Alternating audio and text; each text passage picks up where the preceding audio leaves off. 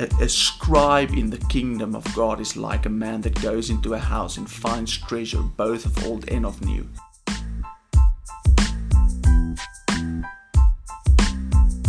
Hallo julle, baie welkom by hierdie week se podcast. So in hierdie episode gesels ons bietjie oor ehm um, die woord, maar meer eintlik oor die Ou Testament.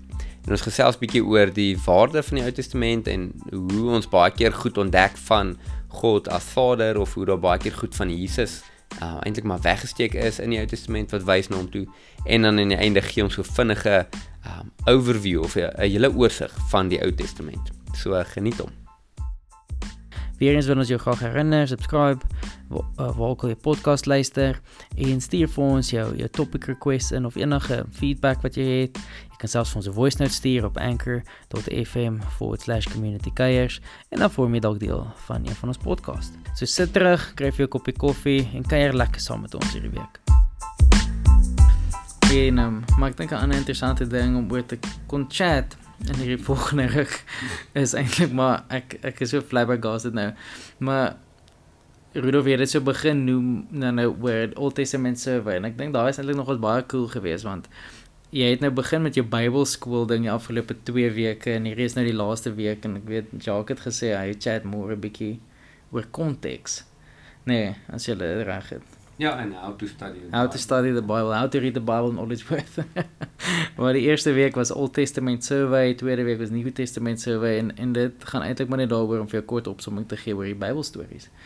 En ek dink dit sal cool wees as ons net weer 'n bietjie so oor die Ou Testament storie kan praat. Ek dink baie mense het nie noodwendig 'n perspektief of 'n 'n tyd of 'n storielyn in gedagte as hulle dink Ou Testament, want hulle hulle sien Genesis en Maleagi en dit is die Ou Testament en die tipe goeie soos daai liedjie gaan. Maar dis nie waar die waar die Ou Testament se storielyn lê nie. Inteendeel dis eintlik Genesis tot by Nehemia, Esra daar rond en dis die storie. Die res van die goed wat daarna volg word so parallel tussen ingepak en en so aan dan lees ons okay Maleagi is klaar eindig abruptly en Pumis Johannes die doop op die toneel. Maar eintlik is daai storie by Nehemia hulle wat die muur herbou het, die volk wat bietjie kon teruggaan en daar is 400 jaar van nothingness. So ek dink dit sal nogals lekker wees as ons so 'n bietjie hierdie storie kan uitpak, net so so kortliks bietjie oorhoofs kan chat hoe, hoe die Ou Testament storie loop en hoe dit inbloei in die res van die Bybel in want die hele Ou Testament storie is eintlik 'n 'n setup of 'n precursor vir Jesus wat op die toneel se verskyn. Dit en en en dis wat dit so mooi maak dat God kom stel die stage en alles reg sodat die wêreld vir Jesus kan ontvang. En dis dis wat die Ou Testament kom doen. En dis so cool en en een van die goeie wat ons mee begin het laas of 2 weke terug donderdag met die Ou Testament survey was eintlik 'n stapie terug om te sê nee maar wat is die Ou Testament? Wat leer ons uit dit uit en hoekom het ons dit vandag? En Rudolf het so 'n paar cool punte uitgelig uit die skrif uit daai tyd oor die Ou Testament wat dit is want die skrif wat ons vandag het is nie wat Paulus na verwys as hy praat van scriptures nie. Ons het mos nou een week oor die gospel gepraat in 1 Korintiërs 15 van Paulus wat sê van okay Jesus was gekruisig en hy was begrawe en hy het opgestaan maar dit is alles according to the scriptures. Maar het verseker nie verwys na Jesus se preaching in, in Matteus, Markus of Lukas noodwendig nie. Hy het na iets anders verwys. En ons het ook daar in Handelinge 17 gesien van 'n ander, 'n ander, ander braas, die Bereans. Die Bereans, ja, wat nie Paulus op sy woord wou vat nie en hy het gesê, "Man, kom ons bestudeer die scriptures om te hoor wat hierdie ou sê wat waar is." Maar Rudo, wat is daai scriptures gewees wat hulle gaan bestudeer het? Want dis nie die Bybel soos ons dit vandag ken nie. O ja, ja. Ek ek dink ek wil net 'n disclaimer insit. Ek is Rudolf, so jy het met my gepraat. ek wil net 'n disclaimer insit. Ons ons was vir wat was dit 2 en 'n bietjie ure besig en ja. ons het eintlik gevoel was heeltemal te min. Ja, so 'n cool links wat ons nog kan trek tussen die Ou en Nuwe Testament by ons gaan. Verseker. So gooi gou vir my die Bybel daar. Jy het nou net pleks van 2 en 'n half ure gaan jy op die meeste 10 minute hê. Ja. So al wat ek probeer sê is maar net disclaimer, ons gaan 'n paar goed noem wat ons dink belangrik is om ehm um, om deel te maak van jou storie as jy as jy as jy as jy 'n Christen is, glo ek is is die skrif in sy totaliteit gegee vir ons in hierdie seisoen om deur die krag van die Gees wat dit openbaar aan ons Jesus as ons verlosser en koning beter te leer ken, die Vader beter te leer ken en die Heilige Gees beter te leer ken. En so dis in elk geval wat 2 Timoteus 3:16 sê, all scripture is God breathed and profitable. Ehm um, en selfs daar soos jy nou sê waarna verwys Paulus as hy die tipe goed sê want Paulus praat dan met 'n jong man wat in bediening is en hy het nie die Bybel opgetel soos ons hom nou het nie. Die kanon wat ons van praat en ons het ja. laasweek 'n disclaimer gesit om te sê dat dis kanon verwys na 'n meet of 'n maatstaf wat beteken dit is hoe dit is die woord wat beskryf hoe hulle gemeet om die boeke in plek te sit en dit's 'n not it's not an authoritative list of books. Dis nie John Pope the second or third or fourth or first wat gesê het hierdie 66 boeke gaan in wees en sny die hande af van mense wat hierdie 5 boeke wil insit nie. Dit was 'n list of authoritative books. Met ander woorde die kerk van daai tyd wat die eerste wat wat hoe lank was dit Korra weet jy? Paar 300 Ja, 300 300 jaar. 300 jaar. 300 jaar na Christus het daai ehm um, mense agtergekom vir 300 jaar het die kerk in tyd agtergekom. Mm. Hierdie boeke het almal super baie autoriteit. Hulle almal vertel een storie, is almal God geïnspireerd en hierdie ding is wat God vir ons gegee het om te leer. En dis hoekom hulle hierdie goed bygesit is uh, of bygesit het. En ehm um, En so ons het daai voorreg maar in daai tyd as as Paulus praat van the scriptures is God breathed dan verwys hy na die law and prophets of hy verwys na die Torah en die Pentateeg en dit is nou als woorde maar die Pentateeg en die Torah is dieselfde boeke. Dis net die Torah is die Hebreëse manier om daarna te wys van die woord Torah beteken wet. En Pentateeg was die Griekse manier om daarna te verwys van Penta beteken 5 en teeg beteken scroll. So dis dieselfde 5 boeke, die eerste boeke. Mm. En die law, uh, dis die law en die prophets is dan nou dit wat hulle na verwys en daar staan met hulle selfs iets soos die psalms gesien as eintlik 'n boek van 'n profeet met die naam Dawid. So dit is 'n bietjie anders gedink oor die Bybel as wat ons vandag oor dit dink. Ehm um, van die mense praat oor die historiese boeke en dan ja. sal weer 'n lys van dit konings, kronieke, ja. sulke goed of die writings. So daar's verskillende maniere hoe hulle verwys het na die goed. Die punt wat ek eintlik net probeer maak is Timoteus het 'n baie klein hoeveelheid boeke in sy hand gehad as Paulus hom sê all scripture is God breathed. Hy sou na 'n boek gekyk het soos Genesis en gesê het, "Wow, prys die Here." Prys die mm. Here, hierdie boek is profitable for teaching. Mm. Hy sou na boek soos Levitikus gekyk het en gesê het, "Wow, prys die Here, hierdie boek is profitable for admonishing."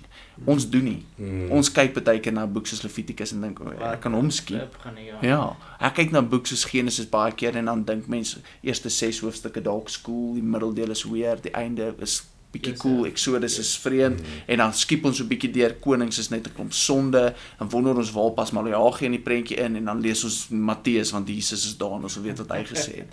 En so ek dink maar net wanneer ons met 'n nuwe lens na hierdie goed begin kyk en ons sien hoe verkeer in die Nuwe Testament wat ons nou het, sê Paulus volgens die skrif het volgens die Ou Testament as ons nou daai woorde wil gebruik. Volgens die Ou Testament kan ons al hierdie goeie sien. Jesus kom, Jesus is gekruisig, Jesus het opgestaan. Hulle kon daai goed in die Ou Testament raak sien. Jy weet, ons het die Nuwe Testament, die kanon, die hele boek en baie keer voel dit vir my ons is gekerk en ons kan dit baie keer nie eens raak sien hoe God hoe goed is en hoe groot God is en hoe soewerein God is nie. Ja. Hierdie ouens het die vermoë om deur die Gees dit in die Ou Testament te ja. kon raak sien.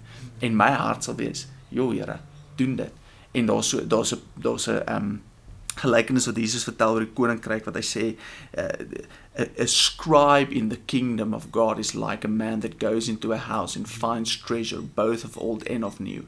En wat was 'n scribe in daai tyd? Dit was iemand wat die skrif moes ken. Dit was iemand wat die hmm. scriptures bestudeer het. En wat Jesus probeer sê is selfs iemand wat die scriptures bestudeer, sodra hy in die koninkryk van die Here inkom, sal hy wees soos 'n man wat nuwe en ou skatte So die nuwe skatte, ja, verseker Kolossense sê alle skatte is in Jesus verberg. Mm. Hy is die skat ja. en in hom is al die skatte te vind in wysheid en in in en in discerning. Maar daar's ou skatte in die Ou Testament wat as jy daai goed ontdek, dan dink jy, "Wow, Here, ek het nooit hierdie gesien nie." En ek dink sommer as ek dink aan laas op, ehm um, wat baie cool is as mens kyk na ons het so 'n ander model wat my onlangs ehm um, ook gehelp het om 'n bietjie links te trek tussen die Ou Testament, die vier evangelies en dan die res van die Nuwe Testament. En hulle noem dit die Christus sentriese model of dis eintlik maar net Jesus Christus is in die middel en dan kyk jy nou na die res. So as jy begin met die evangelies en jy kyk sien maar na die lewe van Jesus of wat hy gesê het of sekere goed wat hy gedoen het, dan kan jy baie keer as jy dan terugtrek na die Ou Testament toe, kyk hoekom het hy sekere goed gesê en hoekom het hy sekere goed gedoen soos byvoorbeeld toe hy tydens die fees van tabernakels um gesê het ek is die lewende water, kom na my toe en jy sal meer dors hê nie. As jy kyk in die Ou Testament en jy lees wat by die fees van Tabernakels gebeur het, hulle sou water uitgooi van die tempel, daar sou water uit die in die strate inloop, so daar sou iets van 'n watervloei, jy weet oorvloed gewees het. En as jy dan besef, okay, hier's hoekom Jesus dit gesê het, want hy het na daai beeldsprake goed verwys. En dan as jy kyk na die res, so dan jy die vier evangelies, dan in die Ou Testament kan jy die hoekom sien. Dan in die Nuwe Testament, um na die evangelies, so van Handelinge tot Openbaring, kan jy baie keer ook sien hoe het die vroeë kerk en die apostels dit interpreteer en dit toegepas, Uitgevoer. uitgevoer, ja. En dit is vir my 'n cool model om so 'n bietjie deur te trek om dan te sien, okay, um as ons kyk na Jesus in die middel, hy het seker goed gedoen. Hoekom het hy dit gedoen? Bedoelende hoe wys die Ou Testament na hom toe? En dan na dit, hoe die kerk het toegepas, hoe het hulle dit, jy weet, apply, wat die application daarvan? En dit is vir my 'n cool model om om so daarna te kyk.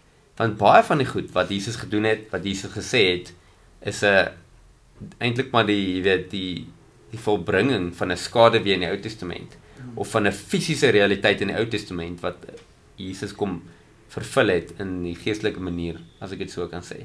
Um so ek dink dis sommer vir my cool wat ek sommer daarbey kan add as mens bietjie kyk hoe die Ou Testament en die um Gospels en die res van die Nuwe Testament bietjie saam um gelees kan word en die lyne tussen dit getrek kan word. Ek dink 'n mooi ding wat ons wel in ag moet neem is is ons kan dalk baie na die moderne era kyk en sê ja maar I shame die mense destyds hulle het nie Bybels gehad nie. Want hulle het nie. Ja. Daar was nie selfs die Ou Testament, hulle kon nie 'n boekrol besit nie. Dit was eenvoudig net te duur. Ja. So daar was heel waarskynlik kom ons praat die die post-ballingskap era sou daar dalk een of twee Torah boekrolle gewees het. En dan hang dit af hoe ryk daai bepaalde sinagoge was watter van die ander boekrolle jy sou gehad het. Het jy die boekrol van Jesaja gehad? Het jy die boekrol van Jeremia gehad? Maar hier's die punt. Vir al die eerste 5 boeke die Pentateug soos wat na verwys is sou elke liewe Jood ongeag watter vlak van samelewing jy was sou daai 5 boeke uit hulle koppe mm. uitgeken het en daar was ook 'n bepaalde leesskedule so met ander woorde daar was die hele tyd daar was nie ons gee nou meer aandag aan Genesis as aan Exodus nie mm. daar was 'n 'n program wat deurgewerk is Sure. met ander woorde dit was baie maklik vir 'n Matteus om byvoorbeeld te gaan en te sê hierdie het gebeur sodat in vervulling kon gaan die woorde van die profete. En mense het die dag gesit en sê, "Ja, ek wonder waar waar staan hierdie?" Nee, want dit was vrylik vanuit die hart, vanuit die geheue kon 'n Joodse individu die skrif aanhaal van hulle beter as ander uit die aard van die saak. Maar dit was 'n realiteit dat die woord was binne die individu. Want daar was nie 'n boek waarna verwys kon word nie. En ek ek gooi dit sommer net in as 'n as 'n kant aantekening want ek is net soos hoe sou ons samelewing vandag nie gelyk het as elke persoon en hoor mooi dis nie doen iets om hemel toe te gaan nie. Ek weet nie hoekom redeneer ons altyd so nie. Maar stel jouself net vir 'n oomblik in 'n wêreld waar elke individu die woord van God nie net kan oplees maar letterlik Ja. sal kan sê dit staan daar hierdie staan hier hierdie staan daar. En dit hoef nie noodwendig woord vir woord die aanhalings te kan wees nie. Dit gaan nie oor 'n 'n papegaai ek het die hele ding gememoriseer nie maar om die woord van God so te ken dat dit na in jou hart is. Want dan kan mens inderwaarheid daar begin praat. Soos wat ons vroeër eintlik gesels het wat ek agtergekom het daar's dele wat ek nie mooi verstaan nie. Maar dit wat hier gebeur het voor die gesprek wat nou ongelukkig nie vir die luisteraars daar buite op die lig gaan wees nie maar dit is hoe die woord mee omgegaan is in die tyd ja. van van van Jesus en ook voorheen iemand sou skrif gelees het en dan sou mense gesê het beteken dit dalk dit beteken dit dalk dit maar wat van daai rabbi hy het gesê dit beteken dit so en dan was hier 'n hele gesprek wat plaasgevind het ja. rondom dit want mense soos Mense besef nie hierdie goeters nie. Hoekom sou Jesus toegelaat gewees het om in 'n sinagoge in te stap en te praat? Want dit was 'n ander samelewing. Ja. Hoekom kon 'n Paulus wat van Tarsus was in 'n sinagoge instap waar ook al in die eh, westerse wêreld en hy kom in die sinagoge en hy kan praat, hy het 'n spreekbeurt. Hulle weet nie eens wie hy is noodwendig nie, maar hy het 'n spreekbeurt. Want die sinagoge was destyds so ingerig dat daar 'n geleentheid was vir bespreking. Maar bespreking kan net sinvol plaasvind. Ek wil terugkom by hierdie punt. As ek werklik 'n verstaan het van die woord van God. En dit gaan nie net wend oor net oor om die goeters teologies graadvlak te verstaan nie, maar ten minste net te weet. Ek is bekend met die inhoud van daardie boek en daai inhoud vir 'n Timoteus vir wie Paulus geskryf het. Gesê dit het baie waarde want die woord was intern in Paulus en dit was intern in Timoteus. Sommige net 'n gedagte wat ek wil deel. Dis en en dan sê Paulus sulke goed soos may the word of God dwell in you richly. Hy admonish hulle om te sê go. Hy sê vir hy sê vir Timothy study to show yourself Worthy. worthy or approved. Jy weet, hy, hy selfs daai stuk ons praat nou oor Timoteus. Ehm um, Paulus sê vir moenie dat mense op jou youth neerkyk nie. Ja, Ek het al baie keer met hulle al gepraat sê hoe hoe- hoe- hoekom sê Paulus dit vir Timoteus? Moet hy dit nie vir die ouderlinge sê nie? Moet hy nie sê hoor die Timoteus, ek gaan gou hierdie briefie skryf en dan vat jy dit vir al die ou mense in jou kerk want ek wil nie hulle moet op jou neerkyk nie. Maar hy sê dit nie vir hulle nie. Hy sê nie vir die ouer mense om nie neer te kyk op Timoteus nie. Hy sê vir Timoteus, moenie toelaat dat hulle op jou neerkyk nie.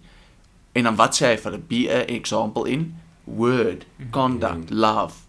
Met ander woorde, die manier hoe Timoteus homself moes uitdruk in die, in in hoe hy omgaan met die woord van God, moes alles iets na die tafel toe bring wat maak dat ouer mense nie neer kan kyk hom nie. Wat maak dat ouer mense hom kyk en sê, "Jo, jy's jonk, maar daar's iets in jou. The word of God dwells richly in you." Ek sal luister. Ehm um, en en daai is goed. Daai is goed vir ons wat baie keer instant driven is. Wat baie keer goue 'n teks buite vers want dit is vir my lekker om te weet God het 'n plan vir my lewe net vir eksamen. Daai goed is ook goed, maar dis baie keer daar's daar's daai dieper gewig wat ek dink baie keer ons hart moet drop om te besef. Daar's 'n storie wat vir 6000 jaar geskryf is. Mm. En almal probeer vir ons een ding sê. Jesus is mooi. Hy's koning. Hy oorwin. Hy's gestuur om ons te red, maar hy het 'n koninkryk. Dis nie 'n me gospel nie, dis 'n he gospel. Hy moet op die troon sit. Ons moet hom volg. Mm. En as daai ding begin val in ons lewe, soos jy sê Christ-centered way of looking at things, dan ook Genesis 'n amazing boek. Dan laat dan dan kry ek the fear of the Lord as ek Levitikus lees. Dan sê ek net soos Here Jesus, wie is U dat U sonder om eers te dink al hierdie reëls en regulasies regkry in die heavenly tabernacle. Ja. As ons soos hoofstuk op hoofstukke moet swat om 'n earthly tabernacle te probeer run. U kry dit reg. U is die high priest wat net soos you you do this en ons moet soos duisende bladsye hê om te begin agterkom wie is hy sodat ons kan leer en sodat ons kan leer wat ons. So man ek's passionate oor.